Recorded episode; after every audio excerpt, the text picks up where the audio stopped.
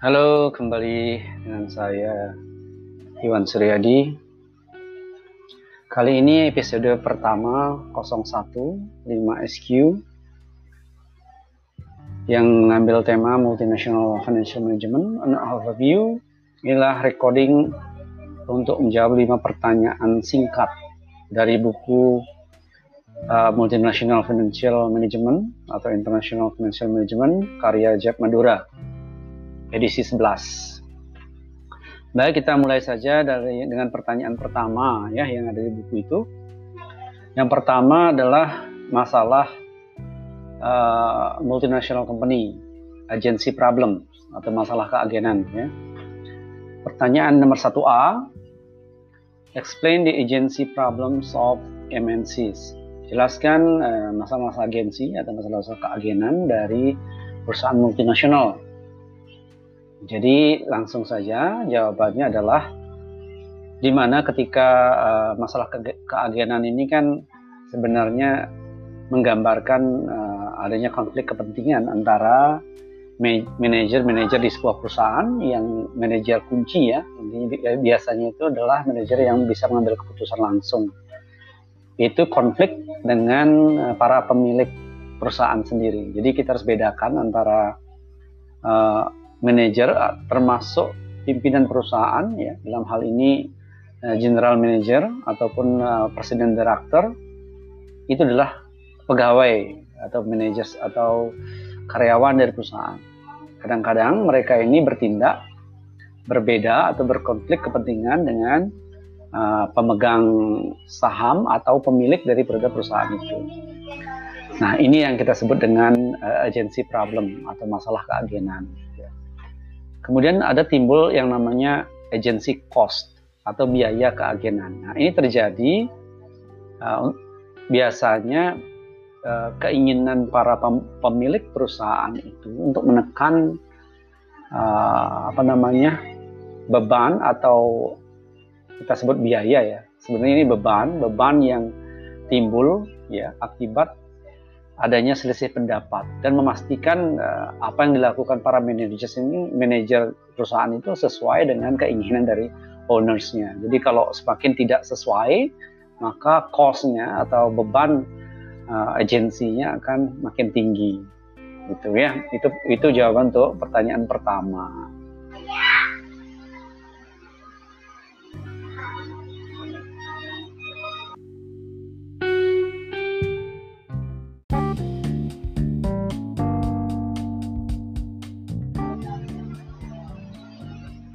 Baik, sekarang kita jawab pertanyaan kita bacakan dulu ya, yang satu B.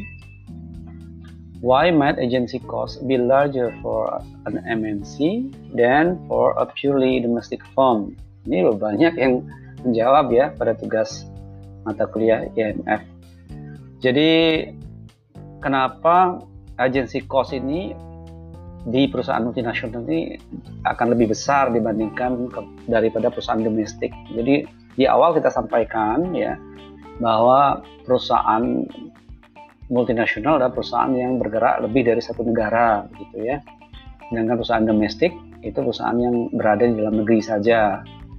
Nah itu ya, biasanya MNC ini ya manajer-manajernya itu ya kebanyakan juga orang yang dari negara tersebut ya, negara asal itu yang berbeda culture dan seterusnya. Jadi jawabannya adalah biaya keagenan ini memang benar ya lebih besar dari uh, untuk yang MNC atau multinasional dibandingkan domestik ya perusahaan domestik.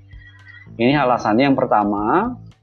Jadi perusahaan multinasional ini uh, apa namanya uh, mereka mengatur atau meng mengelola para manajersnya yang ada di perusahaan itu uh, di berbagai cabang di berbagai negara jadi cukup jauh ya jaraknya jadi tidak tidak langsung dekat lokal gitu ya lebih gampang. Jadi gap yang terjadi ya, antara konflik kepentingannya akan tinggi sehingga agency cost-nya akan tinggi dibandingkan yang perusahaan lokal gitu ya. Kemudian yang kedua oleh karena apa namanya cabang-cabang di luar negeri ini ya uh, manajernya memiliki uh, karakter tadi saya bilang ya uh, di uh, apa perbedaan culture atau budaya yang mungkin tidak seimbang atau tidak bisa seragam dengan apa menjadi tujuan utama dari perusahaan induknya ya kan? Jadi ini culture ya masalah budaya. Misalnya di, Indonesia budaya orang Indonesia jadi manajer cabang untuk Indonesia atau kita sebut dengan country manager itu berbeda dengan orang India. Misalnya kita punya cabang perusahaannya di India orang India akan berbeda dari segi perspektifnya. Jadi mengatur oh, manajer dari berbagai budaya itu agak sulit ya. Kemudian yang ketiga ini berhubungan dengan uh, ukuran dari perusahaan ya multinational company atau perusahaan multinasional ini biasanya ukurannya atau uh, ukuran perusahaan ya maksudnya besaran perusahaan itu cukup jauh lebih besar ya ya sehingga otomatis akan berpeluang menimbulkan masalah keagenan juga yang lebih tinggi. Jadi konsepnya adalah semakin besar perusahaan maka akan timbul kemungkinan masalah-masalah keagenan yang lebih besar juga. Jadi itu jawaban untuk pertanyaan nomor 1B tentang kenapa uh, biaya keagenan untuk perusahaan internasional itu jauh lebih besar dibandingkan dengan perusahaan domestik. Oke, nanti kita lanjutkan dengan pertanyaan kedua.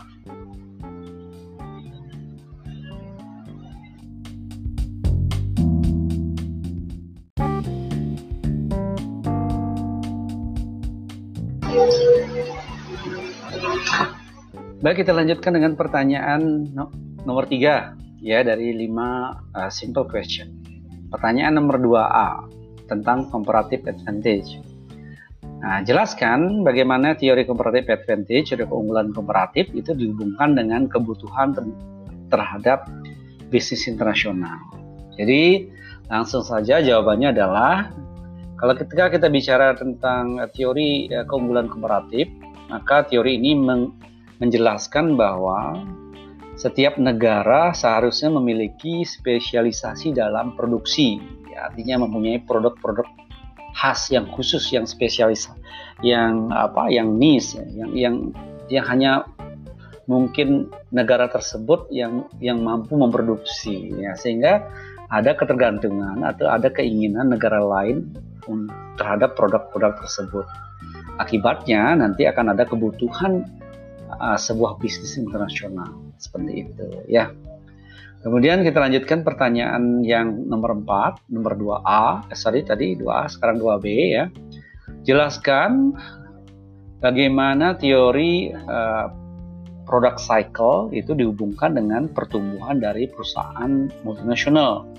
Ya, jawabannya adalah kita harus tahu juga teori tentang product cycle ini itu menyarankan bahwa pada suatu ketika ya perusahaan itu akan akan berusaha untuk mengembangkan perusahaan itu atau berkembang gitu ya berdasarkan keunggulan yang mereka miliki di pasar ya. Keunggulan ini berkembang berbeda dengan ketika mereka mereka mulai masuk ke pasar uh, global ya Product life cycle ini sebenarnya kan eh, teori tentang bagaimana produk itu diciptakan, kemudian berkembang, kemudian uh, sampai kepada siklus uh, kedewasaan ke maturity, dan akhirnya lambat laun uh, produk itu akan uh, decline, menurun ya kembali. Jadi berbentuk siklus macam itu. Demikian jawaban untuk nomor 2 B. Jadi itulah tiga pertanyaan, eh, empat pertanyaan ya. Sekarang kita jawab pertanyaan terakhir ya, pertanyaan nomor 5 dari 5 SQ. Yang ketiga, eh, pertanyaan kelima ini adalah pertanyaan 3A tentang pasar yang tidak sempurna. Jadi pertanyaan adalah jelaskan bagaimana sesungguhnya keberadaan pasar yang tidak sempurna ini kemudian dampaknya terhadap uh, apa cabang-cabang Uh, pasar-pasar yang ada di luar negeri, ya cabang-cabang perusahaan yang ada di luar negeri. Jadi jawabannya adalah karena adanya pasar yang tidak sempurna, maka sumber-sumber daya yang ada dalam perusahaan uh, dalam perusahaan sebuah perusahaan itu tidak akan mudah atau kad bebas itu diterima oleh perusahaan uh, multinasional. Jadi akibatnya perusahaan multinasional ini kadang-kadang uh, akan mencari uh, sumber daya, ya akan me mencari sumber daya daripada menyiapkan ya mencari sumber daya yang mana maksudnya ya? Misalkan sumber daya yang murah ya misalkan seperti mungkin lokasinya yang tempat yang murah dicari di negara yang uh, tanahnya atau lokasinya murah. Atau terkait tenaga kerja gitu misalkan tenaga kerja yang murah di negara tertentu misalkan Vietnam misalkan atau Indonesia ya maka perusahaan-perusahaan itu akan membuka uh, apa namanya cabangnya di negara-negara seperti itu ya negara-negara yang resourcesnya itu memadai jadi kalau pasarnya itu tidak sempurna itulah menyebabkan terjadinya uh, pencarian sumber daya yang lebih menguntungkan perusahaan multinasional. Jadi itu bisa bisa menjelaskan kenapa pasar yang tidak sempurna itu akhirnya mendorong Eh, pasar-pasar uh, luar negeri itu penting atau membuka cabang di luar negeri itu penting bagi perusahaan multinasional. Oke, demikian uh, pertanyaan dalam uh, lima SQ pada edisi episode pertama kali ini. Kita lanjutkan pada episode kedua di chapter kedua ya tentunya di chap Madura IMF edisi ke-11. Terima kasih, sampai jumpa.